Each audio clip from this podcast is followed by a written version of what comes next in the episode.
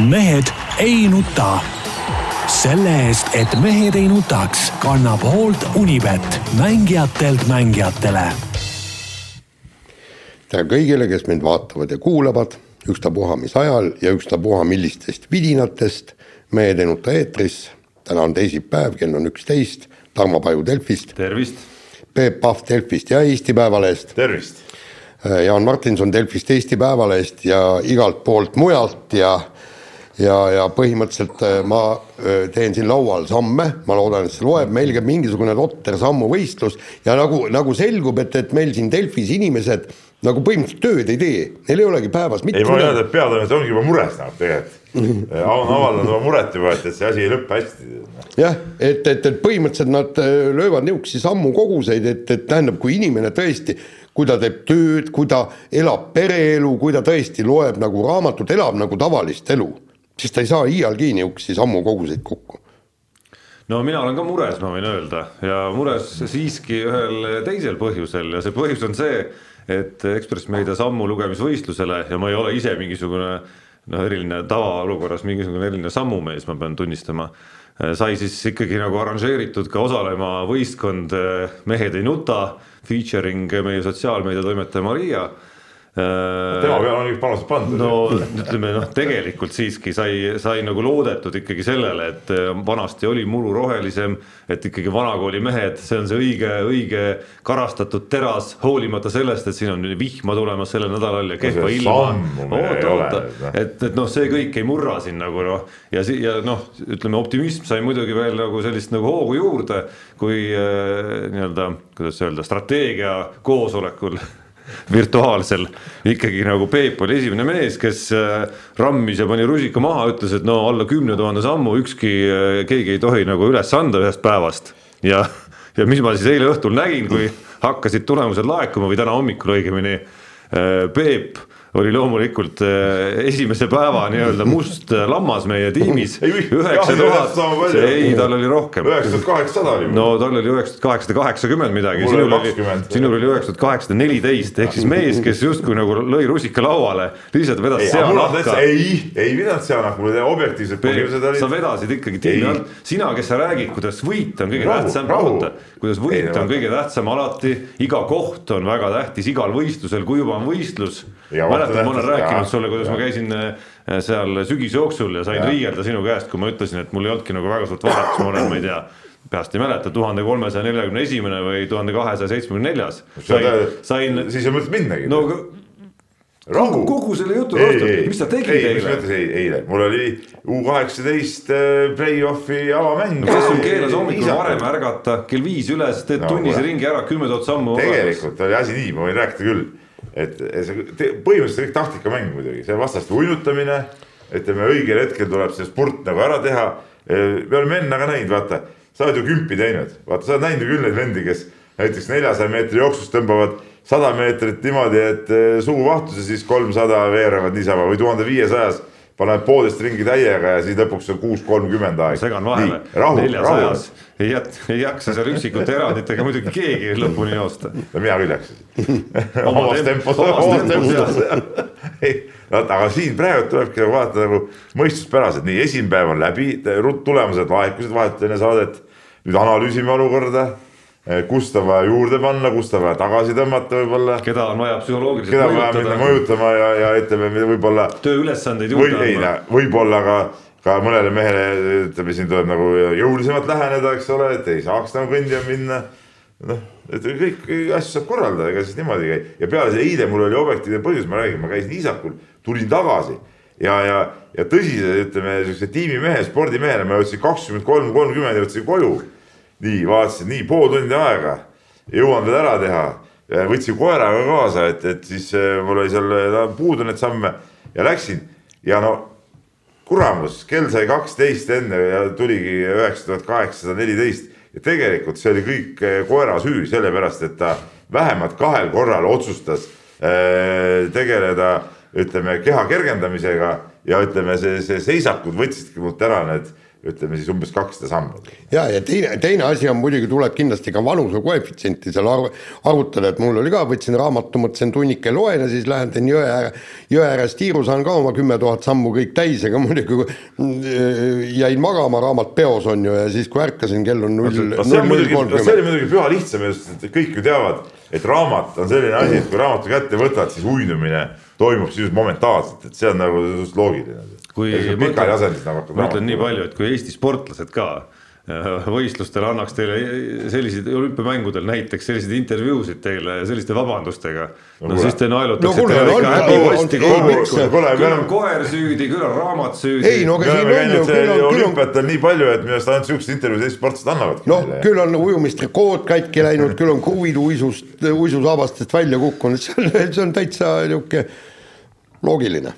No ega jah, meil jääb vist ikkagi kõlab, kõlab kõik niimoodi, et meil ei jää muud üle, kui Mariat siis piitsutada ikkagi nagu rohkem tegema. Oot-oot, sa oled ka noor mees. oota, aga, aga sinu resultaadist me pole üldse rääkinudki või? No sa ütlesid oma selle tulemuse või? no see oli, miks ma muidugi ütlesin, mingi kuueteist tuhande kandis. oh jumal, kohta. kuule, Peep. mis toimub ma seal, selles vanuses absoluutselt, ma panin sada kuuskümmend tuhat, oota, oota, mis on kakskümmend aastat tagasi või?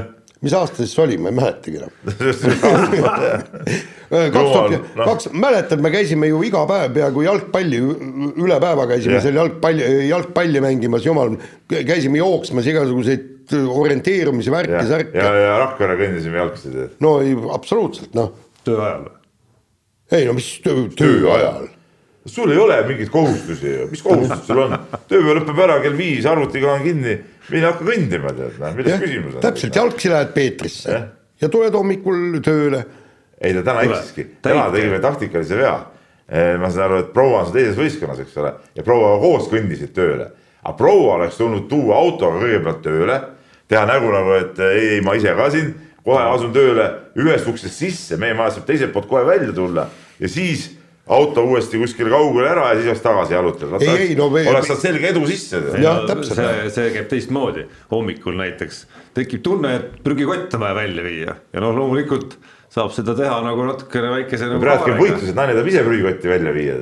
ei, kuna märk on varem siis äh, voodist välja saama, saan varem, siis see nagu väikene eelis on sees, aga, aga no sujuvalt ikka nagu see on klassikaline Edgar Savisaare strateegia muidugi, et ise oled patune ja hakka siis teisi veel sõimama ka. ei, mis mõttes patune, ei ole võtke ennast kokku, mehed. nüüd no kuule, ma räägin veel kord, oleks ma sinu vanuses,, see, vot see on ka imelik jutt Jaanilt, et muidu on kogu aeg jutt, et küll meie omal ajal ja küll me oleme No üldse, oligi, üldse nagu kõvad mehed, mitte ainult omal ajal, vaid No oligi. aga juhul. siis, kui on äkitselt äh, vaja No no,, siis kus, see- siis hakkad oma vanuse taha pugema. ei no kus, meie oleme sammud ammu juba ära kandnud, kõndinud, põlved haiged juba sellest. kuule, räägime nüüd noh, tähendab no see, mis meie teeme, see on päris sport, aga räägime ka niisa, niisama no tilulilust jah, korvpall. koduliigas, ega vist äh, on siis siin midagi põnevat või ei ole põnevat või Kalev, Kalev on endal, BC Kalev Cramo on endal nagu mängu käima saanud, ega, ega sealt paarist vist ei ole midagi eriti oodata no päris huvitav jah, et seda natukene neid märke oli juba põhiturniiri lõpus ka, kui Kalev Cramo ja Pärnu omavahel kohtusid. noh, loogika ütleb, et eriti seal nagu Eesti meestel peaks nagu motivatsiooni väga laes olema, et ja ka klubil tervikuna peaks motivatsioon väga laes olema, mis iganes äh, vestlusi ja koosolekuid seal peetakse, on ju, et, et kõik on ju seni noh, jättes välja jah, see, et meistrite liigas osaleti, saadi edasi VTB-s oli hetki, on ju, aga, aga lõpuks jäi see hooaeg katki, et noh, kõik siin kõik muud sellised nagu eesmärgid on ju aia taha läinud ja Eesti-Läti liiga oli ikkagi ju fiasko. et seal ei pääsetud otsustavatele mängudele, et. Karikad ka ei võidetud. ja, kui me räägime nagu tulevikuplaanidest, siis äh, seesama meistrite liigaski mängimine ja tulevik ja, ja võib-olla ka mingi väikene lootus, et äkki isegi avaneb mingi šanss seal veel põhiturniiri koht garanteerida endale uueks hooajaks selle kõige oluline eeldus võib olla ikkagi see, et see Eesti meistritiitel tuleb igal juhul nagu kätte saada ja, ja, ja isegi ilma selle eelduseta noh, noh, ma arvan, et see on nagu see särgi au võiks olla seal ja peakski olema nendel meestel, nendel samadel Eesti meestel kasvõi kui seal välismaalaste roll on langenud ikkagi see, et see tiitel tuleb igal juhul ära võtta seal. Ja noh, natuke oli seda tunnet mul juba enne ka, et see et noh, on kohanetud selle olukorraga, mis, mis on sündinud, on ju, et sealt on Melson läinud, et äh, ma ei, ma ei, ma ei ole ka aru saanud, kas see Jackson on terve või ei ole. Äh, et kas ta sellepärast on taandunud sellesse rolli või, või, või on see nagu strateegiline valik, nagu sa ütled, siis, siis pigem ongi seal nagu vigastus taga, on ju. et noh, selle, nende kõikide uute rollidega on olnud aega nagu kohaneda ja mulle nagu selles mõttes tegi nagu head meelt isegi isegi kui see ei olnud põnev, võib-olla nagu tasavägise mängu mõttes tegi mulle head meelt, et, et ma sellist kokkuvõtmist nagu nägin ikkagi ja ma loodan, et see jätkub. no ja no head meelt või paha meelt, minul oleks küll olnud hea meel rohkem ikkagi, kui nii-öelda väike klubi ehk Pärnu oleks, oleks võitnud ja võidakski. sest et ütleme Eestis ma olen alati Kalevi vastu, see on nagu selge tähendab, noh et, et Eestis ei ole mõtet mitte kunagi Kalevi no poolt sellise olla. Kalev Cramo poolt on juba ju isegi sinul väga lihtne olla. ei, seda küll, aga ma ütlen lihtsalt, et noh, nendel eelarvevõimalused on suuremad lihtsalt ja, ja, ja, ja sellepärast juba on, on lahedam, kui need mingid väiksemad ja vaesemad klubid eh, neile tuule alla teevad, et see on ikka paratamatult sa oled nagu nõrgema, nõrgema poolt, et, et sellest on nagu kahju, et, et et Pärnu enda seis on nii kehva ja, ja see mängib väga suurt rolli, et ikkagi see Mihkel Kirvese äh, sääre vigastus, tegelikult siin ma ütlen, ma käisin seda Rapla viimast mängu vaatamas ka Raplas ja, ja, ja, ja siis oli nagu näha, et Kirves nagu liipab natuke ja, ja noh, ei ole nagu tema ise, ma pärast mängu Veiko Rannulast küsisin ka, et kuule, et mis, mis see Kirvesega siis on. ei, ei Kirvesega ei ole midagi, et ei, seal siin ise oma peas paneme endale pingeid lihtsalt ja ei, ei häda ei ole umbes nagu midagi tead, no pärast tuli välja, et ikkagi oli see säärelihase vigastus ja see on sihuke, sihuke asi, mis, mille paranemine lihtsalt äh, võtab aega ja kui ta nüüd ei saagi sekkuda selles seerias näiteks või, või ütleme noh, täna on ka mäng järgmine, siis äh, Pärnul mingeid äh, variante muidugi ei ole, et neil jääb lihtsalt see, see korvialune ja, ja just see meeskonnakaitse ja see kõik jääb, jääb äh, lahjaks, kui ta saab nüüd kaasa teha, siis, siis see annab jälle mingid ekstra käigud juurde ja, ja, ja, ja võimalused võivad tekkida, teine asi on see, et muidugi peab ikka sealt tagantliinist need viskemeestest liidrid peavad ka esile kerkima, et nüüd keegi keegi nendest äh, peab äh, suutma ikka palle korvi ka panna. ja, ja, ja, ja teine asi on see, et nad peavad suutma selle Kalevi äh, kaitset välja tulla, et neil on praegu, ega neil ei, neil olid viskekohad, aga need olid päris rasked viskekohad, viskekohad ja nad peavad leidma ikkagi mingi mooduse, kuidas saada ka vabamat viskele, noh ja just need tagamehed, et, et et see on jah, ütleme siuksed pead murdmist Eko Randulel on, on kõvasti, aga minu arust see ei ole üldse nagu põnevam. jaa, aga no ma nagu tulles, jäädes korra siia juurde, et ma natuke olin üllatunud, noh oli arvata, et Kalev Cramo ju peab nagu selles suunas liikuma oma, oma koosseisu vaadates, kui siin nagu noh, tagaliin on ilmselgelt hõre, on ju.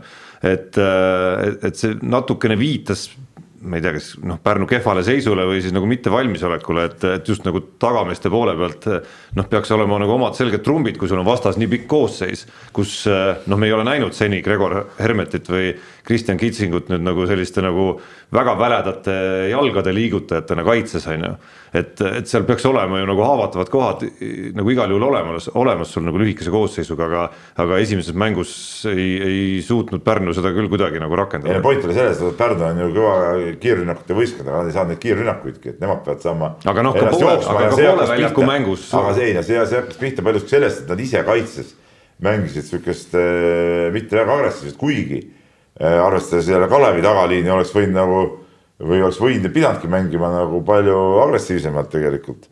aga eks see tulenes ka sellest, et neil endal ei ole praegu seda jõudu, äh, kes seda kaitset nii hirmsasti mängiksid seal et noh, ja kui toredusest veel rääkida, kusjuures üldse play-off'is siin on nagu toredaid asju natukene ikkagi nagu juhtunud, et äh, kui me võrdleme siin mõne varasema aastaga, kus noh, see legendaarne väljend näppude vahele jäämine, et siis, äh, siis me oleme siin näinud play-off'i, kus äh, ja ka Eesti-Läti play-off'i tagasi vaadates, siis Pärnus näiteks Ivo Van Tamme täitsa toredaid esitusi.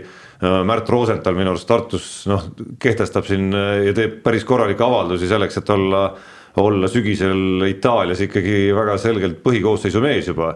Äh, Eesti, et üldse olla selles koosseisus on ju ja, ja noh, see üks suurimaid kohanejaid, kes nüüd veel, kui me eestlastest räägime, äh, selles Kalev Cramo loos on ju Martin Torbek ja mul on tunne ka, et nende nädalatega, mis siin on möödunud nendest esialgsetest šokkidest, äh, see kohanemine läheb tal päris hästi praegu ja aga just, just sellises nagu kandvas juhtivas tagaliini rollis. nojah, aga ta on, ütleme selle mängujuhi positsiooni on ta varem ka mänginud, eks ole. on, aga aga siin tuleb natuke rohkem teha, kui seal päris, päris uus roll. jaa, aga siin tuleb natuke rohkem teha tal, kui lihtsalt olla seal äh, nii-öelda nagu li- rünnaku liidrite kõrval siis kõva kaitsemees ja siis võib-olla vabaks jäädes mõni kolmene kuskilt ei, seda, seda kindlasti jah, seda kindlasti. aga no ikkagi see, võib-olla ma rohkem tähelepanu pöörakski see Tartu ja, ja TTÜ seeriale ja, ja, ja seal muidugi Tartu tegi päris kõva avalduse pühapäeval, kui siis Tallinnas võttis väga kindlalt selle mängu ära. ja, ja seal ongi ainult sisuliselt nagu üks küsimus, et, et kui Tartu suudab oma seda mingit müstilist neljanda veerandaja eh, tardumist nagu kuidagigi vältida, et siis, siis TTÜ-l seal mingeid variante pole, sest Tartul tundub mulle vähemalt praegu on kõik väga hästi paigas, nad mängivad head kaitset, neil on hea rotatsioon, neil on tegelikult korralik rünnak, see, kuidas nad ütleme ka siin selles pühapäevases mängus kolm veerandajaga palli liigutasid ja, ja neid kohti leidsid. noh, seda oli ikka päris, päris lust vaadata, et, et eh, nad on ikka hakanud, hakanud väga-väga hästi mängima. ja ma ja, ja kui arvestada seda, et, et neil on ka korvi all ikkagi eh, noh, selgelt suurem jõud kui, kui TTÜ-l, kel nagu korvi all praktiliselt üldse midagi pole, siis, siis ütleme sealt, sealt ka nagu pluss juurde võtta ja, ja kui nad nüüd kaitses suudavad mängida nii, et, et TTÜ mehed oma kolmesid sisse ei pane ja nende mäng ju tegelikult ainult sisuliselt selle peal nagu tuginebki, et nad peavad eemalt ära viskama, siis, siis on kõik trumbid on, on tartlaste käes. Ma isegi ütleks, et aina raskem on nagu näha, isegi enne seeriat oli natuke raske näha, esimese mängu järel veel raskem, et, et, et millega TalTech Tartust nagu seerias jagu hakkab saama, et et mul vaikselt, vaikselt ikkagi nagu idaneb küll nii-öelda vana hea finaali Kalev Cramo ja Tartu unistus siin peas ja see võib täitsa, täitsa tore finaal olla seekord.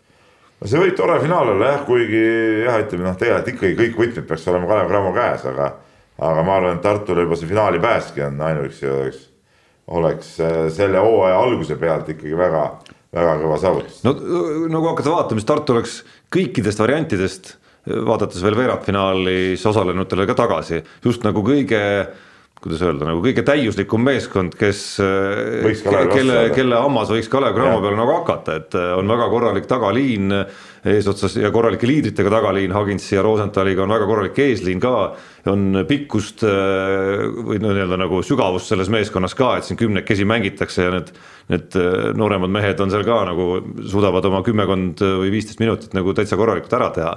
et, et, et ta on nagu mõnes mõttes vaadates Kalev Cramo seisu, kuigi jah, seal on justkui nagu siin tuli küsimus meile ka pärast, mis puudutab Eesti koondise komplekteerimist, siis me näeme, et noh, neid koondislasi on ju Kalev Cramos kõvasti-kõvasti rohkem kui kuskil mujal, siis, siis nagu liinide mõttes noh, Kalev Cramol on ju, on ju selge nagu haavatud loom natukene praegu. ja seda muidugi, et igal juhul huvitav vaadata ja ma arvan, et see võiks olla äge, äge asi. aga noh, kui, kui selle Kossu teema lõpetuseks veel hüpata äkki tagasi äh, eelmisse faasi ehk siis veerandfinaalidesse, siis äh, üks koht seal, ma arvan, väärib ju natukene äh, arutlemist küll veel, ehk siis Tartu ja Viimsi veerandfinaalseeria lõpp ehk Ronald Sakis tehniline viga päris valus moodus, mismoodi, mismoodi nagu seeria lõpetada, aga midagi teha ka ei ole, kui, kui vaadata peeglisse ja öelda, et kogenud mees võiks natukene paremini teada, mida tohib teha viimastel minutitel ja mitte. ja ei, see on hämmastav, et eh, Sakis ei ole üldse sihuke mees, kes, kes eh, nii agressiivselt peaks seda kaitset seal nüüd tõmbama ja minema seda audist väljaviset eh, takistama mis see point üldse oli, seal oli mingi kaks koma midagi sekundit no et parem keskenduda nendele meestele, kes, kellele seda palli üritatakse anda. muidugi, sest et noh, selle ajaga sealt üle välja jõuda, no ikka see toob ikka mingi hädavise, et, et, et sellel nagu mingit äh, mõistpärast selgitust ei, ei nagu on raske leida, kui on see, et lihtsalt äh, No hurraa! isegi nii kogenud meestel kiilub, kiilub kinni mingil, mingil hetkel. Ja et see hurraa hetk seal ja, midagi lihtsalt teha ei ole, huvitav, et see tuli päris paljudele korvpallisõpradele, ka korvpallisõpradele üllatusena isegi, et selline reegel on, et kaks minutit, viimased kaks minutit mängul ei ole isegi mingit hoiatust, vaid, vaid tuleb see, tuleb see vile ära ja tehniline on tõsiasi. nojah, see on tegelikult juba mitu aastat see reegel olnud, et ma, ma siin midagi üllatavat küll ei näinud. ja kuigi huvitava väikese nagu sellise hüpoteetilise küsimuse viskas, minu arust oli see Gerd Kullamäe vist Pihtas põhjas podcast'is üles, et me nägime antud hetkel ja antud olukorras selle kõige nagu äh, lähedal olevama kohtunikuna meie esikohtuniku Rain Peerandit kes äh, võttis ja tegi ikkagi sellise nagu munadega vile, on ju. et kas, äh, kas kõik Eesti liiga kohtunikud oleksid sellel hetkel selle, selle nagu südame kõvaks teinud ja ära vilistanud? sellel midagi südant kõvaks teha, no see on. ei no sul peab ikka natuke julgust olema sellisel hetkel. no see on sama küsimus, et kui, kui ütleme, Jaan läheb viskele ja, ja ma löön talle siit risti üle käte käeluu puruks ja siis sa küsid, et kas kas kohtunikul oleks olnud äh, mune seda ära vilistada no,? oled sa kindel, et kõik äh, Eesti liigas no,, kõrgliigas vilistavad kohtunikud need, oleks selle vilja teinud? Need, kes seal äh, praegu play-off'i vilistavad, ma arvan, need kindlasti, sest et see on sihukest asja, muuseas, see on, juhtub isegi, isegi, ma võin öelda, ma vaatasin teise liiga Final Fouri, see oli minu arust naiste finaal vist äkki, või see oli naiste esiliiga finaal koos meeste teise liiga Final Fouriga.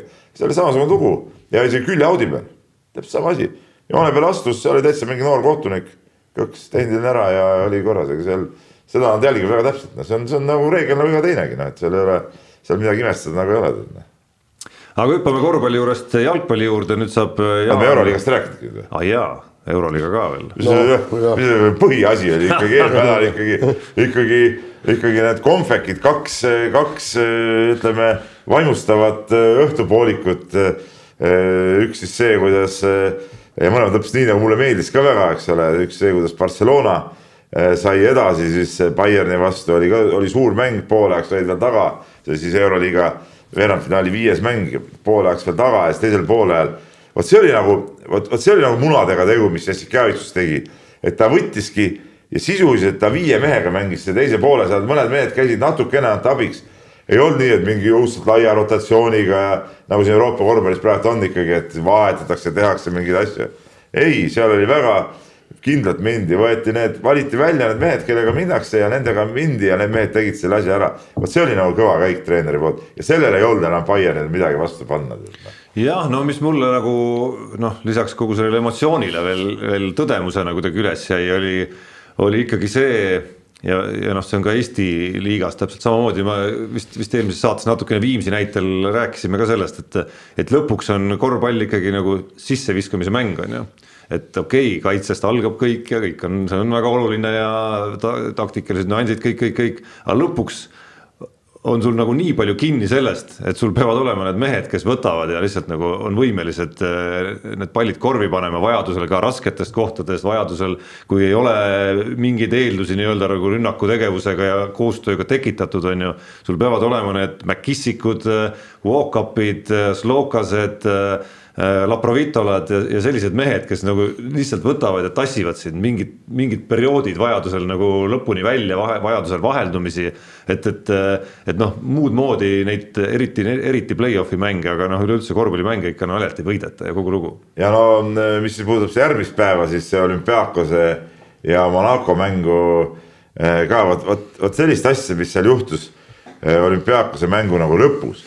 vot sellist asja mina naudin, vot see on vägev, tead näe et see oli nagu ikkagi, vot see on nagu asi, miks ma seda Euroopa korvpalli ja seda armastan, et, et, et, et seal ikkagi see publik ikkagi on ikkagi nagu vinge noh. Ja see kõik see, need raketid ja see, et, et see vaimustus nii suur, et seal enne mängu lõppu tormati väljakule ja see oli ikka äge, ma, mina, ma seda nautisin ikka täie rinnaga. jah, ühest küljest küll, aga noh. ei, siin mingit teist külge no, ei olegi. No, võta seesama näide, et noh, seal on ka vastased väljakul. noh, mis siis? nii, mis siis, oletame, seal oli selles äh, samas seerias oli üks äh, päris selline nagu tuline, verine võitlus, Kostas Papa-Nikolau oli ühel pool ja Äh, Dwayne Bacon teisel ja. pool, et seal ikka läksid ebasportlikud ja tehnilised ja sellised jõuvõtted ja kõik läksid, on ju. et kui nüüd sellest, äh, ma ei tea, mitu tuhat neid, neid fänne oli, kes seal lõpuks väljakule jooksid. et kui keegi oleks ikkagi nagu tahtnud minna selle Dwayne Baconi juurde nagu natukene nagu ka nagu sõna sekka ütlema kogu selle duelli teemal, on ju. ja seal oleks nagu midagi eskaleerinud, on ju, et noh, see, see tegelikult see ei ole okei okay.. no see on, sa räägid asjast, mida ei juhtunud, ma räägin no,, mis juhtus. ja see, mis juhtus. seekord ei juhtunud. see, mis juhtus, oli vägev, näe. seekord, seekord no, ei juhtunud. see oli nagu vägev, näe. ei no. ma tahaks sihukest asja näha, et me ei istu raamatukogus, korvpall on emotsioonimäng ja ma tahangi sellist asja näha ja see oli vägev, näe. See, kuidas see pidu sa ise kirjutasid mulle, sa vaatasid seda seal pärast ja ma lülitasin juba jalgpalli peale kodus, eks ole, sa mulle kirjutasid seal mingi pool tundi hiljem et sa, et see ikka veel see möll seal käib, eks ole, et sa vaatasid oma seda kanalit, eks ole. et, et see oli vot, no see oli, see oli tõesti kihvt, et no ma, ma seda vaatasin ka päris pikalt ja kõik see, kuidas see mingi vend seal korvirõnga peal istus ja lipuga vehkis ja, ja kuidas, kuidas briteised üritasid särki ära tõmmata ja noh no see, see on ikka vägev, tead, no see on emotsioon, vot see on emotsioon, mis käib selle asjaga kaasa. on jah, aga mitte väga turvaline siiski. sina, sa oled ikka sihuke nagu sihuke, sihuke nagu sihuke pai poiss, kõik peab olema turvaline. Peep, mul on küsimus no., kui oleks tõesti see publik mängu ajal tõesti kellelegi vastastest midagi teinud. no aga ei teinud ju, oleks. ei oota, küsimus, mis reeglid ütlevad selle kohta? mis reeglid, mis reeglid ütlevad? Kas oleks ikkagi olümpiaakos oleks ikkagi võitjaks tunnistatud? ma ei või... ole kindel, no sõltub täpsemalt, mis. ma arvan, et oleks mäng oleks katkestatud ja, ja, ja oleks uus mäng tulnud või, või oleks olümpiaakos kaotanud selle mängu ka, et kui no, tema vastutusel see mäng seal toimub. ja no see, aga no midagi niisugust ei juhtunud, see ma räägin no,, ma ei räägi seda, et peaks, et, et mingi vastased seal minema, ma ei tea, tümitama, see on ajuvaba loomulikult. kui sul ikkagi nagu tuhanded jooksevad väljakule, no siis sa ei kontrolli lihtsalt seda enam, mis seal toimub. no jaa, aga see iseenesest see kõik oli ikka lahe. nii kuna midagi ei juhtunud, siis nägi lahe välja tõesti, aga nüüd siis äh, anname sõna Jaanile, meie jalgpallieksperdile, kes ei, on saanud oot, siin. Peep on meil jalgpalliekspert, tema, tema koguda. on käinud jalgpalli, Eesti jalgpalli vaatamas, kõik ja, vägevat mängu, kõik ta absoluutselt. Nii, räägime kodusest jalgpallist natukene ja, ja kaks, kaks märksõna, esiteks viimase nädala sündmused, mille märksõnaks on FC Flora ja Paide kaks omavahelist duelli, üks siis karikasarjas kus penaltitega Paidel ja Karel Voolaidil õnnestus siis nüüd üks nii-öelda nagu korralik skalp ka saada, kui siin koduses liigas esimeses ringis tuli neid õnnetuid lõpuhetkede kaotusi ja eurosarja, eurosarja pääsemiseks on siis Paide jaoks ekstra oluline karikasarjas edenemine. ja lisaks saadi siis liigas, liigamängus hiljem nädalavahetusel ka veel Floralt punkte kätte, tõsi, seal siis, seal siis loomulikult penalteid ei löönud, null-null jäi seis ja midagi ei ole öelda, eks Hendrik Ojamaa oma päris huvitava keikaga andis ka ikkagi omajagu võtmeid Paidele selles mängus kätte, et huvitav jah, kogenud mängumehelt nagu selline nagu selline, selline vahetus siis. ja, aga mina arvan, et Karel Voolaid päästis selle nädalaga enda töökoha pealt Paides. nii lausa? ma arvan küll no, jah, sest et, sest et no seda võib kuskil välja öelda, aga mulle tundus küll niimoodi, et Paide oli ikka alla igasugust latti ju tegutsenud siiamaani Nad olid saanud ju halbu kaotusi äh, võrreldes nüüd selle äh, esimeste satsidega, nad olid nii palju punkte juba maas, et, et noh, äh, see algus oli, oli täpselt selline, nagu need Voolaiu võistkondade mängud on olnud, et kus lõpudega mänge ära antakse ja, ja no mina küll ei ole kindel, et Paide oleks väga kaua seda talunud, noh, et, et, et mina arvan küll, et sellega praegu Voolaid päästis oma, oma naha nii-öelda ja, ja nüüd selle pealt saab saab natukeseks ajaks äh, sihukest krediiti nagu ette tõmmata no seal on üks küsimus on ikkagi see, et, et ega Floral ei ole alati äh, need karikamängud eriti hästi läinud, et äh, ja ma mõtlen karikamängu, mõtlen ka seda, et mm, -hmm. et, et nemad olid need esimesed, kes näpistasid ikkagi kaks punkti ära Flora käest ja, ka tsempionaadil. ja aga ma, ma just mõtlen see, et, et tegelikult peaks olema ju see karikamäng, see peaks sedavõrd seda meeskonda motiveerima, et sul on poole hooaja pealt, on sul vähemalt üks trofee olemas. no miks sa arvad, et see motivatsiooni küsimus oli seal? No mina, mina küll selles kindel ei ole, jalgpallis ikkagi karikas ikkagi üsna ajalooliselt on, on tähtsal kohal olnud. on, on ikka tähtsal kohal muidugi jah, aga, aga Flora ei ole karikates väga tugev olnud ei jah, ole, see vastab tõele. ja, ja pluss veel, tegelikult on Floral on ju need penaltiseeriad äh, mida tegelikult mängitakse ju imeharva, neid penaltiseerijaid tuleb imeharva ette,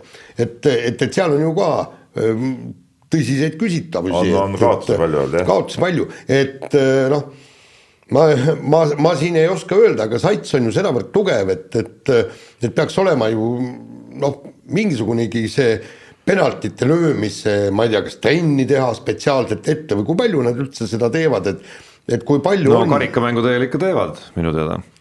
jah, aga, aga siis järelikult selgub, et vähe sellepärast, et no tõesti kõige valusam kaotus on ju. no kust sa tead, et vähe, et noh, üks, üks peab selle kaotama, et et sa ei saa järeldada, et kes ja, iganes aga... selle kaotab, järelikult teeb ja, vähe et.... ei stopp, aga sa oled ikkagi tugevam sats. ei no ära, see piisab, kui sa kaotasid, noh see, see, selles suhtes ma Jaani teooriaga muidugi nõus, noh. et, et see väljend, et üks, et kaks meeskonda mängisid, üks pidi kaotama, ja see on, see on minu arust nagu suht nagu totter väljend see on tegelikult. totter küll, aga nii see on et kaotab nõrgem ju noh teine tugev, no teine jälle tegi selle võidu jaoks nagu midagi rohkem no.. jaa, aga Pa- Paidel oli muidugi mott, motti oli kõrvuni, tead, kõr-, motivatsioon purskus kõrvadest välja, sellepärast et neil on ikka Euroopasse pääsuks on vaja võita karikas. see oli oluline jah. ja, ja, ja nüüd, nüüd vaatab, et oota, kuidas sealt nüüd, kellega nad kokku lähevad. Narva Trans ja Kalju vist, mäng lükkus edasi, vaata seal olid mingid, Kaljul olid vist mingid haigused. jah, et see mäng, ma ei tea. 15 mai, sel nädalal. et, et, et see, see karikafinaal tuleb kindlasti niisugune, mida noh, ütleme niimoodi, peab nägema isegi see, kes kodust jalgpalli liiga palju ei vaata. sest seal on kaalul ikka palju. jah, jah, noh, Flora karika käekäigust rääkides, siis Levadia nad siiski ju lülitasid välja sel aastal juba, et Levadial järelikult on veel kehvem. tänavu vähemalt. aga, aga ega, ega olgem ausad, ega Levadia, okei okay,, karikas äh, langesid välja, tsempionaadil said äh, null kaks minu silme all, rõhutan said, said sugeda. et äh, ja, ja kui ma, kui ma seal pärast mängujärgses intervjuus äh, äh, Brent Lepistu käest äh, küsisin, noh, et, et kas ei ole nagu asjad just nagu kõige paremini praegu ka selle mängu taustal, siis siis eh, umbes nagu vastus oli küll selline, mis, mis jutt see on, aga, aga tegelikult oli nagu tunda, et nagu tegelikult ikka ei olnud ka kõige parem need asjad.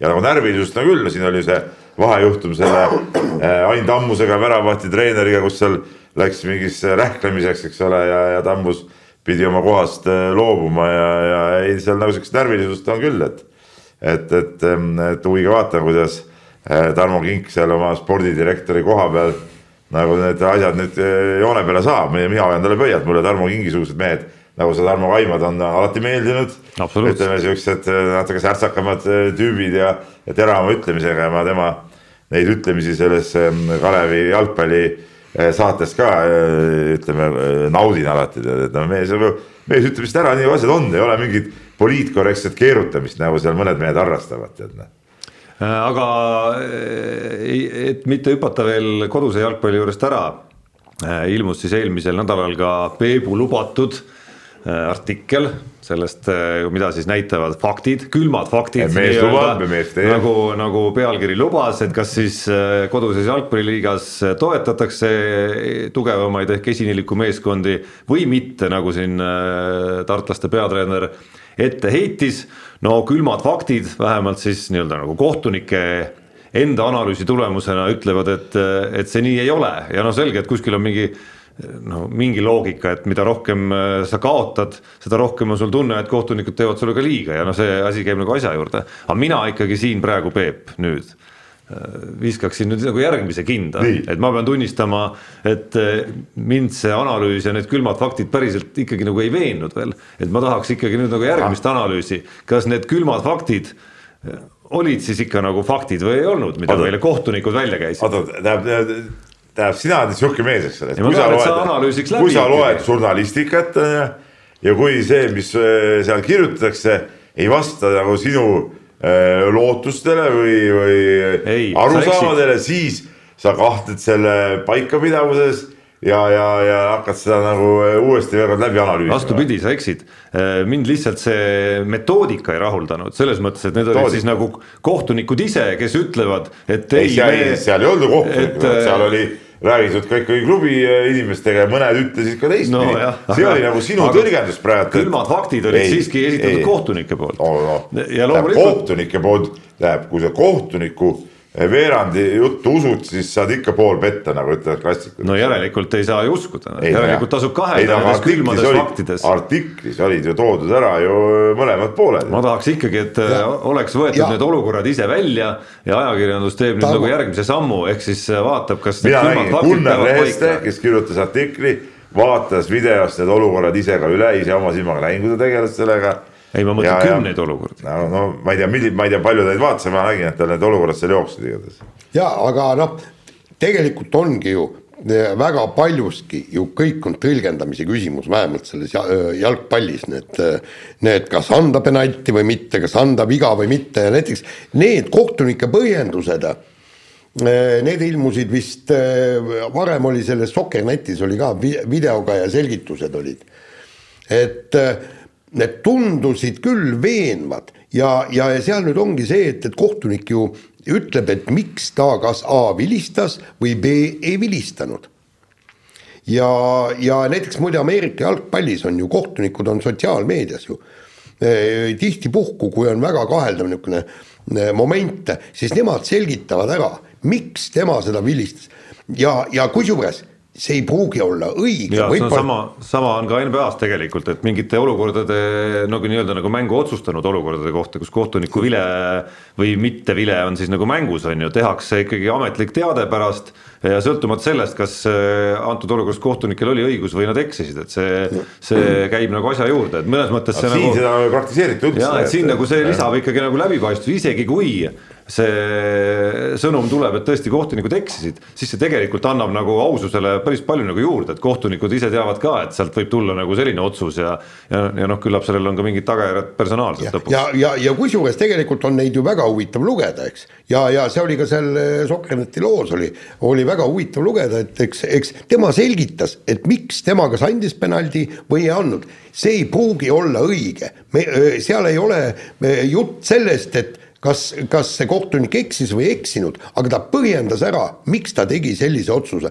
ja kuigi see jätab endiselt otsad lahti, eks, et eh, vaataja võib leida, et noh, et, et kohtunik ei käitunud õigesti, aga, aga vähemalt seal on selgitus olemas, põhjendus olemas ja selge see, et kui need kohtunikud seda lahkavad, siis nad ütlevadki, et need on, need on nii-öelda külmad faktid. ma nägin, et siin oli viga, ma nägin, siin ei olnud viga ja kõik, see ongi külm fakt nii. rahvusvahelist jalgpalli ka. Läheme rahvusvahelise jalgpalli juurde ka ja seal oli ka põnevaid asju ja seesama õhtu, kui ma rääkisin, kui see olümpiaakuse mäng oli, siis eh, kui ma olin seal oma nautimise ära nautinud, lülitasime ümber eh, jalgpalli eh, meistrite liigale, no muidugi ma ennem jõudsin seal ennast muidugi ära siunata, kõik need operaatorid ja voogedastajad ja ma ei tea, mis asjad, eks ole, ma pidin seal nökerdama mingite telepultidega ja otsima, kus see täpselt tuleb, aga no selle. selle, selle õnnetu kanali ma kuidagi endale ikka ette sain lõpuks. või poeg aitas hädast välja. ei, sel hetkel mitte, kuigi mõnikord ma küll eh, hüüan taha tuppa, et kuule, tule siia nüüd, et siin kurat on mingi jama jälle, tead noh. aga, aga ei, seekord ma sain ikka ise hakkama ja, ja, ja poeg tuli ka pärast mängu vaatama. ja no ütleme, vaimustusin seal ka, sest et mingil, mitte mingil juhul ma poleks tahtnud näha jalgpalli meistrite liiga finaali, kus kohtuvad kaks Inglismaa klubi või no üldse kaks ühe riigiklubi, mis on täielik nüriduse tipp, et, et tegelikult peaks üldse olema äh, noh, seda välistatud, aga. no väga üksikud duellid ainult no,, no võib-olla El Clasico ei, oleks ikkagi ei, midagi ei, muud. on ikka. see ei saa olla nii. ja ma, ma, ma olen ka näinud. no sulle ei meeldi Euroliiga poolfinaal ka siis, et, et äh, Real ja Barca on omavahel. eriti ei meeldi jah ma ei tea, no see, ütleme kaks duelli on korvpallis, noh, El Clasico ja Panathinaikos olümpiaakos on, on nagu alati, ma arvan, see oleks, need oleks okeid, aga ülejäänud kõik ei. Ülejäänud kõik üle. igatahes kõik. kindlasti Manchester City ja Liverpool ei oleks olnud see, mida see. ma oleks nagu finaalina nautinud ja ma vaatasin, et lähebki kõik nihu ja siis, siis äh, vaimustavalt seal umbes ühe minutiga tuli, tuli äh, kaks väravat Realile ja, ja lõpuks, lõpuks siis Benzema, kes on tõusnud ka üheks mu lemmikmängijaks viimasel ajal äh,, kõksas veel penaldi ka ära ja, ja, ja oligi Real edasi, et, et, et see oli nagu, see oli vägev, vägev õhtu ja ja mulle see Manchester City pole mitte kunagi meeldinud, see on sihuke imelik klubi minu arust. ja, ja, ja kusjuures tegelikult, kui, kui me nüüd nii võtame, eks, et ühelt poolt me räägime, et, et äh, Real tegi tõesti äh, suurepärase lõpu ja siis no ma ju vestlesin oma pojaga, pojaga ja ma olen siin inimestega vestelnud, kõik ütlevad, oo milline fantastika ja kõik nii, aga nemad ju ei mäleta seda Manchester Unitedit no, ja Bayernit, eks. see oli finaalis ju noh. jah, absoluutselt. see oli finaalis muidugi, muidugi. Solskjaer värava, aga, aga ütleme niimoodi, et no midagi vaimustavamat lõppu ei ole, aga kuhu ma tahan jõuda, eks, et jah, tõesti, Real mängis tegelikult hästi, aga tegelikult plähmerdas ju City ise ära, tal oli ju, vaata, millised võimalused olid sealsamas. enne seda oli kaks. kaks sajaprotsendilist. võimalust, jah. ei no kui sa lased ikka üheksakümmend pluss endal kaks tükki lüüa, no ilmselgelt sa oled plähmerdaja. oot-oot-oot, see üheksakümmend pluss, need kaks tükki ära tulla see ei ole mingisugune ime. sellepärast, et jah. jah ja., sellepärast, et vastased ju, tähendab, ühesõnaga neil ei ole enam mitte no midagi kaotada. loksub nagu tihti nii-öelda see surve loksub ühte suunda nagu ära selleks ajaks võib-olla, et. ja lõpuks seal... tuleb väravavaht ka veel sinna trahvikasti, eks, ja, ja, ja kõik, et see, aga tegelikult on see noh noh, ma, ma isegi ei ütleks midagi selle kohta, et, et City, noh jaa, niisugune kahtlane meeskond küll, aga see, et Real on finaalis, vot see on, see on äge nagu. see on äge. ja Real Liverpool on siuke, noh, see on nagu kaks klassikalist, absoluutselt klassikalist võistkonda on, on finaalis, et see on, see on nagu lahe, loomulikult ma olen Reali poolt seal ka. aga no vot ja, ja ma rääkisin meie öö, noor reporter, no ta ei ole vist, ta on po, poolvana reporter Madis Kalvetiga ja, ja ta ütles ka, et noh, et Real on veerandfinaal, poolfinaal, kõik ta on olnud nii-öelda kehvem võistkond, ikkagi kuskilt välja pigistanud selle võidu. ja, ja, ja tegelikult praegu ju, kui, kui hakata paberil vaatama, pole mingit öö, šanssi ju Realil Liverpooli vastu, paberil, ei, no siis ei ole seda. paberil, paberil paberil. ja, ja kui Real selle ära võidaks, ma olen, ma olen küll eluaeg Liverpooli poolt olnud, aga, aga vot siin ma olen Reali poolt.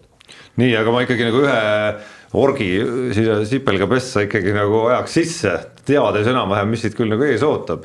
ehk siis äh, huvitav arutelu, mis tekkis Ah, et huvitav arutelu jah, mille siis, mis, mis on tekkinud siin kogu selle kohtuniku antud äh, või antavate üle aegade ja, ja, ja kõige selle suhtes on ju ja, ja Inglise tippkohtunik Mark Clattenburg käis siis ikka päris radikaalse muudatuse välja, Peep juba, Peepul lõug põhimõtteliselt väriseb juba, kui ta kuuleb seda lauset. et äkki, äkki muudaks ära selle üheksakümne minutilise jooksva ajaga mängimise ja hakkaks, hakkaks siis nii-öelda nagu korvpalli sarnaselt äh, seisva mänguajaga mängima, kus siis pall läheb out'i ja, ja aeg jääb seisma ja, ja kuuskümmend minutit on mänguaeg. see Räteburg võib äh, pensionil olla ja seal pubides õlut juua ja mingeid, ma ei tea, lauajalgpallireegleid teha, kui tahab. kas ta ei ole sinu arust nagu Ei, pädev? tähendab, lõpe, lõpetage lollused, tead, lõpetage lollused, niiviisi jalgpall on. ma võin ära sulle, solgitud. lihtsalt vahepeal ütlen, see Klattenburg on sinust noorem. endine. lihtsalt Aa., lihtsalt vihjeks. aga ta siis, siis ütles endine, see on kirjas ka meil siia, kes kirjutas seda siia. no siis ta on äh, eriti, siis ta veel eriti nõme mees Ei., kui ta, kui ta veel ütleme nagu ütleme vanuse poolest peaks veel nagu ütleme, seniilsus ei ole peale tulnud, eks ole, võistlus peaks nagu olema ja siis hakkab lihtsalt nagu mängu nagu solkima. ei, Peep, mina olen Ei. ikkagi selle poolt, mina olen ikkagi selle poolt. Mille poolt?? selle poolt, et äh, kuuskümmend minutit äh, aga miks sinu selles eh, totakas mängus, kus nagu üldse mitte midagi ei toimu, aeg kogu aeg jookseb mm. näiteks. ei ta ei jookse, saab, aeg pannakse seisma, seal on teatud momendid Ameerika jalgpallis, kus aga, vahepeal ja aeg jookseb, ei saa mitte midagi ei toimu, aeg ei ei, aga seal on kindlad, kindlad reeglid, millal aeg pannakse ära aja lollusi. ei, oot, ja, oot, ja ma, seda oot, küsisin, oligi see, et vaata, seal on ka välja kujunenud mingid reeglid, ühesugused. ei, ei jube palju, kuule, seal muudetakse li, liiga palju nii. põhimõttelisi reegleid või? no põhimõtteliselt küll jah, põhimõtteliselt küll jah No no seal seal on No siis- näiteks need, see Aga lisa, lisa. midagi tahta, Ameerikast ongi ei, rumalad. aga, aga mis aga halba, oot, mis oot, halba oot, peale, selle, et on kogu aeg olnud, mis on alati hea põhjendus on ju. ärme paneme korvpalli siis Kuule, äh, neli korda kuule- kakskümmend jooksvat ei no aega. Ei, korvpall ei kuule- vaja sellist muutust. jalgpall vajab või? No kuule, jalgpall, sa näed ikkagi, on selge lihtne no põhjendada, mida- see paremaks aga mida see paremaks teeks? no seda ebamäärasust kogu selle üle aja teemal Teeks noh. oota, noh. Peep, hakkame sealt pihta, kui palju sulle meeldib, kui sellel viimastel minutitel üle ajal, kui tegelikult peaks käima äge võitlus, mingisugused vennad rullivad täiesti mõttetult seal ja venitavad aega ja, ja kõik see, see on selle mängu üks osa. ei ole vaja mul see osa on, selle mängu osa, noh. ei, aga mul ei ole vaja nihukest osa. ja mängu tapmiseks nad võiks rullida ka siis, kui see on, kui see on kinnise ajaga, sest et sa saad ikkagi. Ei ei ole mingit kasu sellest rullimisest. ei ole, mis rumalust te nüüd ajate, noh No loomulikult sa saad sellega ju mängutempot, seda, et midagi üldse toimuks, seda saad, seda sa korvpallis ka saad ju, sihukeste asjadega saad ju kõikide venitumistega asjadega saad ju öö, mängutempot maha lüüa. No muide, aga, aga mul tekkis selle, selle kohta üks küsimus. et kuidas nüüd on, kui öö, mäng saab läbi, siis peab olema mingi sireen, et noh, et ja siis äh, niisugune poole, poole rünnaku pealt või poole löögi pealt siis. no korvpallis on samamoodi. no korvpall on hoopis tihedam mäng no. Ameerika jalgpallis, kui mäng lõpeb, lastakse rünnak äh, see on, see on, veel eriti ajuvaba, et aeg on nagu läbi nii aga siis ikka mäng käib nagu edasi see oleks. nagu okis, et eh, selles arvulises eh, ülekaalus, kui kohtunik on käe, veel ei ole ülekaaluga, Jah. käsi on püsti, rikkumine on toimunud et kuni võtta kohe. saab, saab vastane jala vahele, et seni veel kestab. ei, aga, aga miks mitte? ei no kuule, ei see, ei no Jaan, see saab on ju veel lollim reegel millest sa praegu räägid, see on ju veel lollim reegel, seal ei ole üldse mingit, kaua see rünnak siis kestab? Kuni pall, pall jääb mängust, on mängust no aga väljas. siis, aga üks võistkond võib ju hallata palli seal mingi viisteist minutit söödab seal, kõksib seal taga, no mis siis mäng ei lõppegi ära või? ei noh. teeme ikka, teeme Jaan ikka Ei, no ära Jaan, teeme lollustega teeme tegeleda. ühe muutuse korraga ikkagi. ei, ei, siukest muutust ei tule, mitte mingil juhul siukest muutust, ma olen kihla teada, siukest muutust ei tule. ma ei saa aru, kuidas me oleme üheteist neljakümne olen neljani, kindel, ma olen kindel, et see kuidas me tuleb. üheteist neljakümne neljani jõudnud oleme No päeval, kus tundus, et jälle ei ole nagu teemasid väga. nii, Jaan vaidleb lollustega. Jaanil on seekord väga õigus. Välja arvatud see lõpurünnaku asi muidugi. seda ma ei öelnud, aga seda tuleb mõelda. et me lepime, lepime okay. Jaaniga kokku, et teeme ühe muutuse korraga ikkagi. nii äh,, kiiresti järgmine teema, et et äh, Venemaa sportlased äh, ei kahetse mitte sugugi pattu, vaid äh, sporditippude seas äh, süveneb ja, ja muutub võimsamaks poolehoid s- sõjale ja Putinile ja siin äh, noh, suusataja Ver- Veronika Stepanov, kes on juba enne juba välja öelnud, Putin on kõva mees ja õige, õige värk on Venemaa, mis ajab ja ja Aleksei Tšervotkin, teine suusataja ja ja siis olid äh, mitmed sportlased oli, olid üheksanda mai paraadil, aga kusjuures ega ma, ma ei imesta selle, seda absoluutselt seal, on nagu mitmed punktid väljas. esiteks, Venemaa sportlased on ju äh, nii-öelda välja lülitatud rahvusvahelisest spordisüsteemist, nad peavad millestki elama. ja, ja kui sa hakkad nüüd praegu häält tõstma äh, Putini vastu ja, ja Venemaa vastu, kraanid kinni, kõik mine tootvale tööle või, või ma ei tea, mis nad peaksid tegema no,. see sa- on, see on nagu üks põhjus. ja no on... sa vaatad seda küll väga nagu praktilise nurga alt, et ma veel vaatad? ei no ma arvan, et äh, noh, küsimus ongi nagu ideoloogiliselt nad mõtlevadki nii ja suurem Ei, osa Venemaa elanikke Ei, mõtlevadki nad et et noh, sa sa taandasid selle praegu nagu sellisele Ei. nagu praktilisele kasule, et ei jaa, aga vaata, nad ju, nad ju toetavadki oma riiki, see on ju loogiline. Ja see, sa, sina vist kirjutad siia, et see sportvõimeline Nikita Nagornõi marssis seal isegi seal, vaat meil oli uudis ka, eks ole. Noh, aga see on loogiline, ta on ju, ma saan aru, mingisugust, mingi noor, noorsõdalaste mingisugune rühmitus kuulub, see on sama hea kui nagu mm. meil on nagu kotkapoeg, vaata meid on kasvatatud, et et meie la- lapsi praegu, et need öö, kotkapojad öö, või on, ei, mis, skaudid, Noorkotkad, ei mitte noorkotkad. jah, ja, ja et need on nagu, nagu mingid noh, see on nagu õige asi, aga nende neid on niimoodi kasvatatud, et nende jaoks on see ja siis loomulikult ta marsib nagu, nagu õige mees kunagi seal. Jah, ja veel üks detail on, väga paljud Vene sportlased on ju öö, sõjaväelased, noh, ja seal kui sul on käsk, siis sa lähed, ega seal ei ole midagi, et ma nüüd ei lähe, sa lähed öö, tribunali alla, no väga lihtne, noh. aga no mis lõpuks toobki sinna tagasi, et et kui ma siin eelmises saates äh, Volkonski saadet äh, soovitasin kuulata ja ja tegelikult unustasin veel lisasoovitust andmata, et, et Volkonski andis ka väga huvitava intervjuu siin mõned nädalad tagasi Maalehele, noh sarnasel teemal. Et noh, siis nüüd ma annan uue soovitusena, ilmus see meil eile, Tiit Karuksi kommentaar meie enda spordiportaalis, mis puudutas ka siis äh, Vene sportlaste boikoteerimist, et noh jääb üle ainult kahe käega nõus olla Tiit Karuksiga. ma ütlen vahele praegu siin mitte saate äh, täna kell üks äh, nõukogude naise sünnipäeval saame neljanda korruse koogis, köögis mingit magusat. no enne sa pead ikka, Peep, nüüd me hakkame saadet kohe lõpetama. Ja kogu selle vahe, kogu see tund ja kolmteist või kaksteist minutit, mis jäänud on selle hetkeni, koogi hetkeni, kogud sa kõigepealt kümme tuhat sammu ja siis oled, oled koogiga ära teeninud. küll ma täna teen, ära muretse, täna mul lõpevad trennid ära, ma jõuan koju kakskümmend, kolmkümmend ja küll ma teen. sa võiksid seal trennis ka rohkem koguda neid, miks sa kaasa ei tee harjutusi? vana mängumees, no,. pean. näitad noortele, kuidas see korvi all nagu mõnikord näidanud, kuidas katteid tegelikult pannakse. ei no katted ja sellised nagu kus ja mis hetkel seal äh, haarata kust ja kõik sellised asjad. noored temperaarsed katte saavad lebama platsi peal, ma ei tea, mis need on. sihuke treener. võib-olla väsisid ära, läks ja hakkasid puhkama. kate peab olema nii, et mees käib kinni sinna, noh, see on loogiline ju. ma kahtlustan, et no sa, ma tean, sa oled ka Alo seriaali austaja. Jaa, ja, jaa. ja seal on selle legendaarsem tegelane loomulikult on selle on firma juht. Viljo keda mängib ikkagi nagu tõeliselt filigraanne Priit Võigemast. Ja noh, sa oled treenerina vist üsna sama partei mees, et, et tuleb. ei noh, ainult puhast, ainult puhast kulda tuleb. tahaks lastega, puhast kulda tuleb ja siis tahaks oma lastest hoolealustega nagu ise ka seal mängida ja loomulikult võita neid kõiges, näidata, kuidas asjad tegelikult käivad panna mingi auhind välja näiteks, panna mingi auhind välja seal. kaks tuhat eurot nagu seal niimoodi. ja siis minna ise, ise üritades ära võita seal ja, ja siis väga rõõmus olla. nii, laseme kõlli. Läheme kiire vahemängu juurde. oletame, et kõll oli ära. ja lootes, ei ma mingi kuskilt. Need on ealised iseärasused. ei, ei, ma, ma olen lihtsalt kõllile. lähemal natuke. ja ma, ma katan ära nagu selle heli, eks. või siis lihtsalt vaata vana, vanusega tulevad äh, ninakarvad ja kõrvakarvad ja kõik sellised asjad tekivad. jõle tüütu on neid ära ka ajada siia kasvatusse kõrva sisse. sul ei ole veel või? ei no tuleb, ära muretse, tuleb.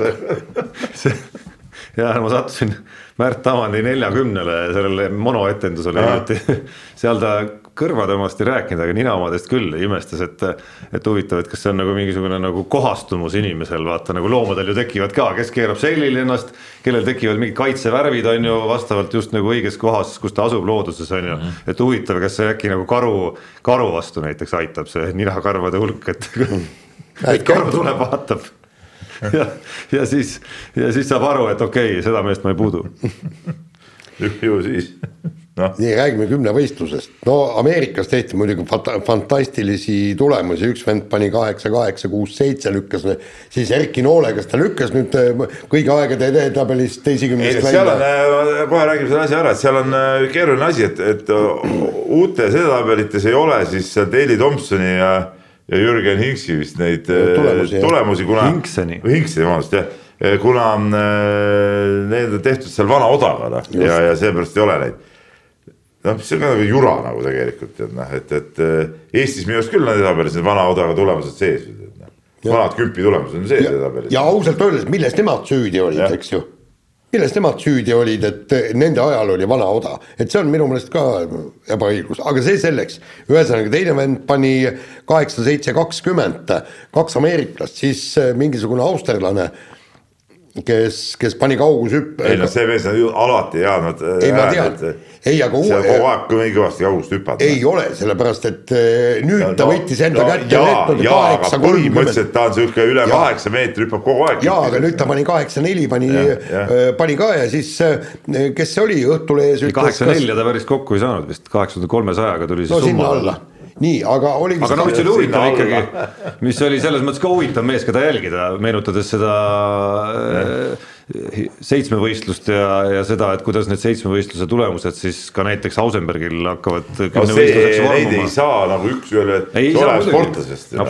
nii, ja aga, aga seal on ju, ju tegelikult nüüd see, et vist ütles Õhtulehes oli, oli see Karel Tilga jah, ütles, et enam tundub, et alla kaheksa viie sul pole lootust. ei no seda, seda selles nimekirjas oli üks kaheksa viie mees oli ka veel seal kolmanda koha peal. aga ma ütlen nii, et eh, võtke rahulikult nüüd tähendab, ütleme punkt üks, ameeriklased on oma, oma tsempionaatidel ja üliõpilastsempeonaatidel eh, teinud alati häid tulemusi, eks ole. et eh, see on üks asi, et seal nad võitlevad oma selle tiitlivõistluse pääsemise koha eest ja tiitlivõistlusel üldjuhul nad, nad nii kõvas hoos nüüd kõik vennad küll pole olnud kunagi. teine asi on see, et alati on olnud niisuguseid olukordi ka, kus vaatad, et edasi ülikõva, ülikõva, eks ole, lõpuks ikka kaheksa viie, kaheksa kuuega võetakse eh, see pronks ära. no jaa, aga jääda no, ainult sellele lootma. just no., just, just jääda lootma, et, et mina teen oma kaheksa, neli, kaheksa, üheksa või kaheksa, viis, kolmkümmend ära ja loodan, et, et keegi põrub, keegi saab vigastada. mis, mis variandid sul veel on? ei no teha ise ka, kaheksa, seitse, kaheksa, kaheksa. sa ei ole võimeline tegema kaheksa, seitse, kaheksa, kaheksa. kust sa tead? ei no aga kui ei ole ei no kui no, ei, mis saab siis? siis sa pead tõdema lihtsalt, et sinu medališansid ütleme, on väiksemad kui nendel, kes on suutnud. no kas meie meestel on medališansid praegu suured, nagu me vaatame Tiit MM-ile näiteks või no,? kas keegi arvas, et need on suured või? no ütleme uudis sellest, kuidas Scantling ja Garland on teinud üks üle kaheksa, kaheksa ja teine üle kaheksa, seitsme, kindlasti neid, kui hakata, mis olümpia-eelne aeg see oli, kus me neid protsente panime. et noh, need on sellised uudised, mis neid protsente kindlasti tõmbavad alla nojah, seda küll, aga ma ütlen nüüd, nüüd nii hirmsasti nüüd äh, ka ei ole mõtet siin hakata pabistama, noh. Ei, no mitte pabistama. teine asi on ikkagi tiitlivõistlusel võistelda. see on hoopis teine asi, noh. hoopis teine asi. kõik, kõik on õige, aga võib ka ennustada või arvata või, või kes loota, kes mitte loota, et praegu tulebki kümnevõistluses taas kord niisugune aja, nagu- ajajärk ma tahtsin paralleeli selle kettaheitega, no küll seal oli ka alati igast mehi, kes tõmbasid kuuskümmend kaheksa ja kuuskümmend üheksa hooaja sees kuskil ja läks kvali-, tiitlivõistluse kvalifikatsiooniks, siis on kuutkümmetki täis. jah, et Peep, sa mäletad ju? Mäletan, mäletan. ei, ma ütlen näiteks võta see odaviskes Jah., mäletad, kus, kui olid äh, Selesni ja Pakli ja, ja si- siis keritis need tulemused niivõrd kõrgeks üles ära ja siis järsku tuleb, tuleb niisugune nii-öelda tühi auk, kui hakkavad mingisugused täiesti suvaliste riikide vennad võitma tiitlivõistluste medaleid mingi kaheksakümne viie Keenia ja meetri Trinidad ja siuksed mehed on osas võitnud. no just, nii nii, vahetame teemat, Brasiilia ajaleht äh, O Tempo kirjutas, et Robert Täht liitub sealse klubiga Sa Jose dos Campos ja Robert Tähe kommentaarid ise olid päris huvitavad. ma saan aru, et esimene vist oli pigem nagu omavahelises vestluses, et, et noh, umbes ei oska siin midagi öelda ega kommenteerida, aga siis paar päeva hiljem oli juba selline, et oi, see on mingi kuulujutt, mis näitab, et midagi seal ikkagi vist oli, aga võib-olla enam ei ole. no midagi vist oli jah, et miks, aga miks ka mitte, no Brasiilia Ei, no väga ja äge võrkpall on ju väga-väga kõva tead noh. ei absoluutselt kuigi minu arust need paremad brasiillased vist paljud mängivad siin Euroopas ikkagi tegelikult, mitte, mitte sealpool ei mängi. ei no jaa, aga siin Euroopa klubides on päris palju brasiillasi ikkagi. aga miks minna, mitte minna aastaks kaheks Bra- ei, Brasiiliasse ma ei ütle midagi, loomulikult. ja ma arvan, et, et, et sealt, kui sa võtad kõik selle parema kaasa, see on jumalast vägev areng. no see on nagu keskkonna mõttes selline, sa lähed nagu, kuidas öelda, noh, nii-öelda nagu mingisse koopasse nii-öelda, noh nagu läheks äh, mingi idamaise võitluskunsti äh, harrastajana just nimelt sinnasamma sellesse, selle kunsti nii-öelda hälli siis nii-öelda nagu nendega, kes seal sünnist saadik tegelevad sellega, et Brasiilia on mõnes mõttes niisugune nagu mõnus võr- võrkpalli, võrkpalli metsik lääs ikkagi ka ju. aga huvitav lugu on juhtunud siis autospordis ja, ja autospordi ajakirjanik on tabanud äh, Briti kusk Greensmiti äh, jokis peaga. Jaa. on, on jokis peaga äh, mehel kuskil nööbist kinni saanud ja, ja mees on siis äh, ilmselgelt ebaadekvaatses olekus äh, väitnud, et kavatseb Portugali rallil äh, riskida ja kerkida poodiumile. tähendab, no ütleme et-, no et- ma ei mõtle, ma mõtlesin, kui ma seda nagu lugesin, mõtlesin, et, et noh, et mitmes päev seda nagu siis oli parajasti. sellepärast, et oli me mingi vaatame tsükkel nagu tundus ikkagi. ja sest me vaatame, kes, kes rall- stardis on, jah. lööb, Ossier ja siis kõik ülejäänud, eks. aga ma, kusjuures ma arvan, et pool sellest ülesandest Greensmit täidab. ta riskib aga ütleme nüüd niimoodi, et, et, et tema, tema puhul, inimese puhul, kes sõita väga ei oska, no võrreldes suurte staaridega, siis, siis võib olla üsna kindel, et millega see riskimine lõpeb. ma, ma, mul muud ei ole siin midagi lisada no. pigem äh, tasuks tal võib-olla, kuidas öelda, ma mäletan, ma käisin, oli, oli siin mõned aastad tagasi üks hetk, kus, kus tekkis huvi nagu natuke rohkem jooksmisega tegeleda siis sattusin äh, isegi kahele rahvaspordiüritusele, üks neist oli Pühajärve jooks ja see oli umbes kolmekümne kraadise leitsakuga ja seal ikkagi hoiatati väga selgelt seal stardikoridoris see teadvustaja rääkis ja hoiatas kõiki osalejaid, et täna ei ole see päev, kus minna nagu mingeid isiklikke rekordeid ja ma ei tea, mis asju seal taga ajama nagu lihtsal, lihtsal nii-öelda harrastaja sportlasel. et kas Greensmithile peab ka võib-olla keegi ikkagi nagu sõnad peale lugema, võtma allkirja, et, et sinu enda huvides on see, et sa nagu, nagu no võtad nüüd nagu ikkagi nagu nii, nagu on okei okay sõita. ma arvan, M-spordis seal leidub ka neid mehi, kes, kes talle ütlevad, et kuule, et ma arvan, ta võib-olla ei mäletagi. see võib olla see moment, kui ta loeb seda, siis ta ei usu, et tema rääkis sihukest juttu võib-olla. vaata, kui sa mõnikord ka seal tongis peaga ajad midagi, ei mäletagi, et midagi sihukest. kuule, teine asi on, et ega me ei tea ju lepingut. kui, kui ta peab ise selle auto kinni maksma, siis jumala, jumala eest on ju, tal on rikas isa. no seda ma just ütlengi ja kindlasti kirjutatakse arvele siin mõned nullid juurde ja noh, võib-olla M-sport eh, raha hädas tead, et äkki annab sealt midagi välja meelitada, nii. Järgmine teema ja, ja no tead, mul tuli täitsa pisar silma kõik kui eh, Lewis Hamilton noh, ta, oli, ta oli valmis loobuma sellest Miami GP-st ja ma arvan, et täiesti põhjuse, kujutad ette, ta sõidu ajal taheti temalt ära võtta, tähendab reeglitega ta ei tohi kanda ei kõrvarõngast, ei ninarõngast, mis tal on, kaelakette, no kuidas nii saab, noh. Dis ke- diskrimineerida inimest, inimene tahab olla ilus seal see- kiivri sees oota, oota, ilus. oota, oota, ämmit polegi mees siis või? ei no ei ole, aga mis kõrvarõngaid, kõrvarõngad, naised kannavad kõrvarõngaid. ah kuule, Peep, ei ole nii või?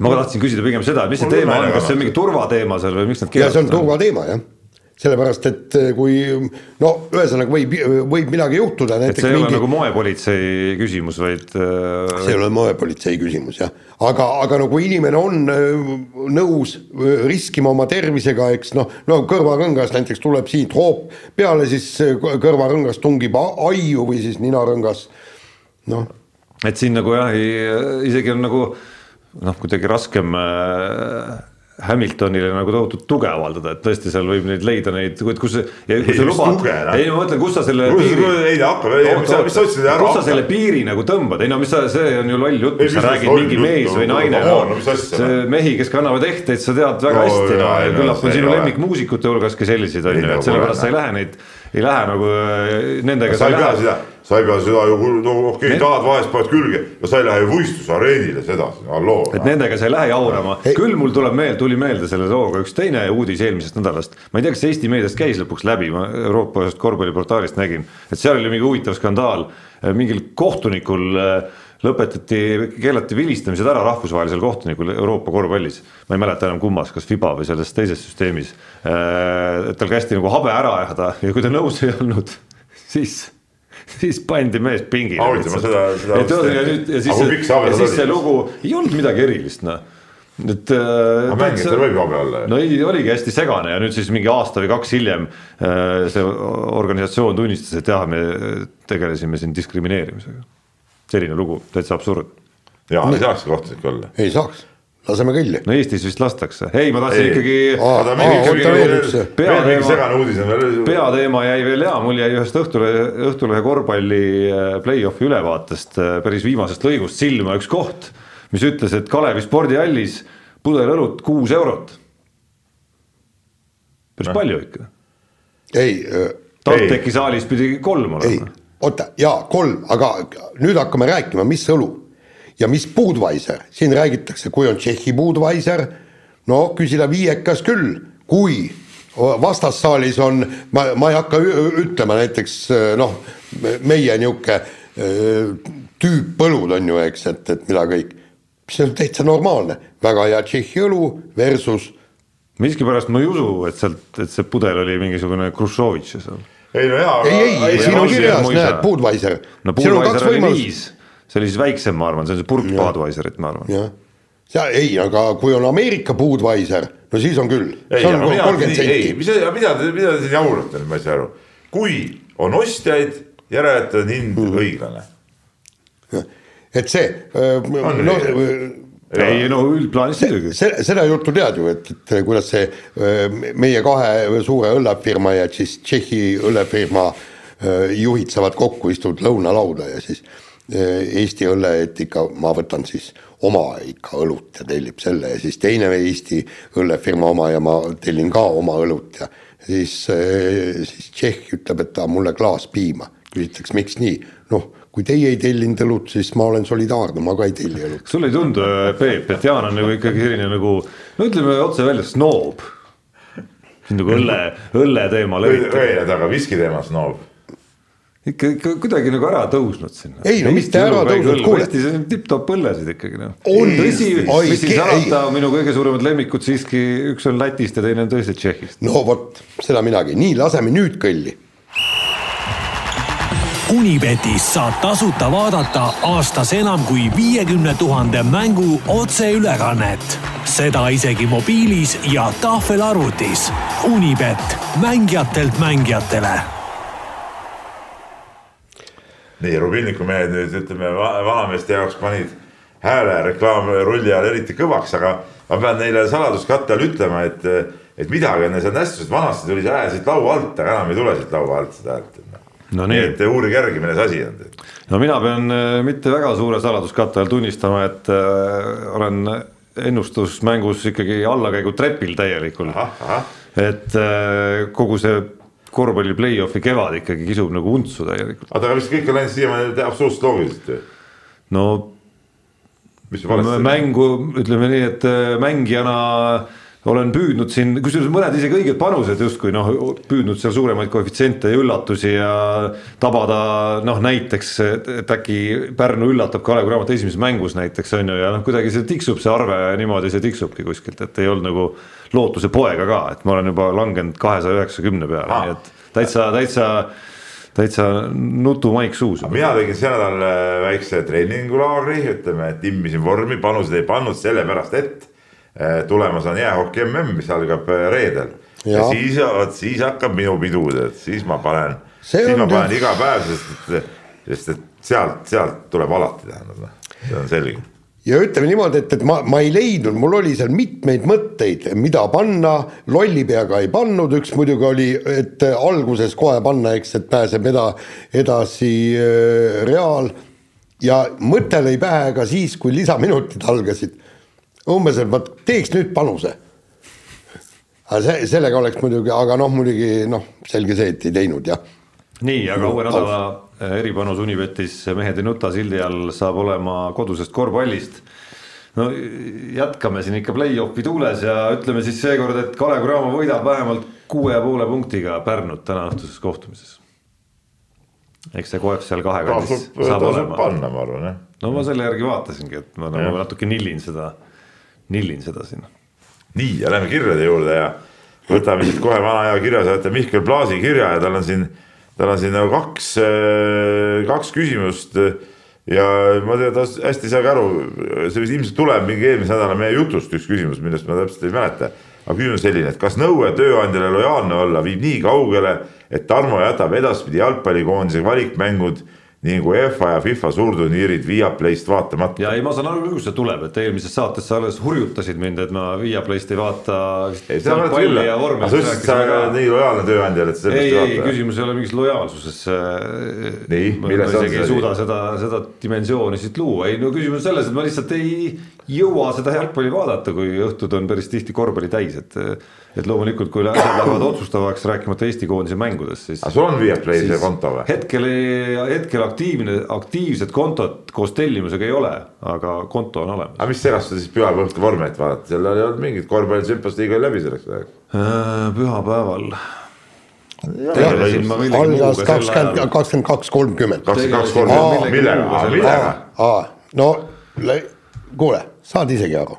ei jah, jah, aga kerge roosa ei tuleb. pea teile aru andma siin kerge roosa tuleb palgile, mis nii vara teeb, ma liiga vara ei ole selle ei jaoks. pea teile aru andma siin. peale südaööd on magusam, ma võin ütelda. Lähme edasi.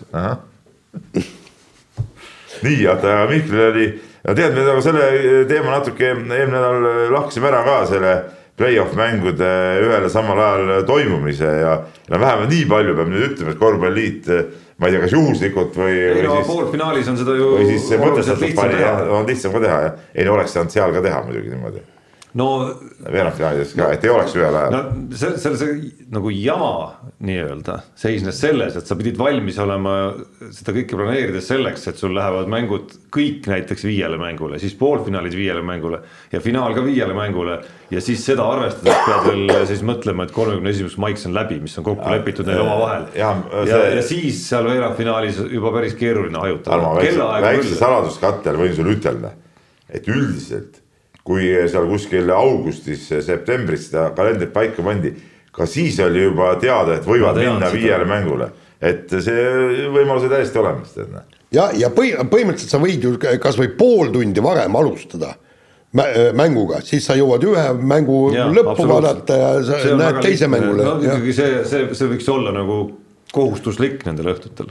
Basic, nagu sa mõtled, nii, aga Tamm Tamm ka teeme, teine hea kirjasaatja kirjutab äh, ka korvpallist ja kirjutab nii, et korvpalli EM algab esimesel septembril. et praegu toimuvad viimased ametlikud klubide mängud enne, enne seda. osad klubid on juba Eestis meistrivõistlused lõpetanud ja siit küsimus. oletame, et vigastused kedagi ei sega. et kas see Eesti, et kes siis Eesti väiksemate klubide mängijatest peale Kalev Cramo meeste võiks üldse mahtuda kaheteist mehe hulka, kes korvpalli EM-il mängule üles antakse. No ühte me mainisime siin juba. Märt Rosenthal jah, kindlasti. muuseas, ma tahan öelda vahele seda, et, et minu arust totter on see, et EM on ikka pikk turniir. et sinna ei lubata näiteks neljateist mängijat kaasa ja vahepeal kusjuures nagu levis see. ja võrkpallis on see mul isegi jäi mulje, et see nagu lähebki nagu otsuseks, aga ei ole, ei ole. aga kaksteist ma just pühapäeval äh, koondise peatreeneriga sattusin koos vaatama seda Tartu ja, ja, ja TTÜ mängu ja siis rääkisime natuke koondise teemadel ka ja, ja ma küsin üle, et kas seal ei ole mingit nagu jah, et, et saab võtta, ei, ei, see on, see on kindel, et, et seal mingit sihukest muudatust ka ei tule. no ega, ega kui nüüd tõsiselt vaadata ja ütleme, kes, kes võiks olla, no ütleme no Rain Veidemannil mingisuguseid. Rain Veidemann, sest et ütleme nii, et number kahe positsiooni peal meil võib-olla kerget hõredust on nagu tunda igatahes koondises. noh, sõltub väga palju, kas kõik, kes. ei nagu kõik, kas olemas. kõik on olemas või no, ei ole, on no keda sa paned kahe peale? No seal on ju sul Mikk Jurgat Tammesid võimalik kas ta kannab, kas ta kannab põhimehe rolli välja? no kas Rain Veidemann kannab põhimehe rolli välja päris finaalturniiril no.? no samamoodi küsimus, et, et. aga head kahte meil ei ole, olgem ausad. Noh. noh, sul on Kullamäe et, et paned Timmu ühe peale. Rosenthal kes võib-olla ühe peal, kas Timmu Sokk tuleb, sellest sõltub. ja ma et Timmu jah, jah, et, et äh, aga pigem Kullamäed on praegu ikkagi ju ühe peal kasutatud koondises. Noh. seni jah, aga noh, seal noh, hästi ei, palju sõltub, kas, kas Gerg Riisa, mis rollis on Gerg Riisa näiteks, kas ta Gerg... tuleb, kas ta, mis tasemel ta koondises on, kuidas ta on seal. ütleme, kui, kui nüüd ütleme Sokk ja Kullamäe on olemas ja ütleme, Rosenthal on ka veel seal siis kergriisal võib olla koondisse pääsemisega üldse raskusi. no ei tea midagi, teisest küljest, kui ta tõestab, kui ta tõestab ennast äh, ikkagi noh, näiteks mängujuhina õiges rollis, siis nihutab, siis tundub see nihutavat Kristjan Kullamäe väga selgelt pigem nagu kahe koha peale. noh, ja, ja, ja siis selles virvarris Rain Veidemannil läheb selle koha leidmise päris raskeks. ja siis läheb raskeks jah, aga nüüd vaatame seal mingeid muid mehi, ütleme no, no ütleme pikkade osakonnas ma ei näe nagu variante, et kusagilt äh, keegi võiks võiks sellesse mängu sekkuda, no ütleme. Jah, ei, ei., ma ikkagi ei näe jah, ei sihukest varianti tegelikult ikkagi reaalselt ei, ei, ei ole, et noh, selge see, et sinna, sinna koondise laagrisse saavad nii mitmedki mehed on ju siit Eesti Eesti liigast ka. Äh, no Taavi Jurkatam kindlasti näiteks. näiteks võiks saada jah. aga pääseda kaheteistkümne hulka sellise eesliini valiku juures, mis Eestil praegu ja. olemas on, eeldusel, no eeldusel, et kõik äh, on olemas ja terved ja nii edasi ei ole nagu varianti jah, ei ole varianti jah. nii on. Aga ma ei tea, võtame sellega siis kokku saate. võtame sellega saate kokku, aitäh, et kuulasite ja kuulake meid järgmine kord. mehed ei nuta. saate tõi sinuni Unibet, mängijatelt mängijatele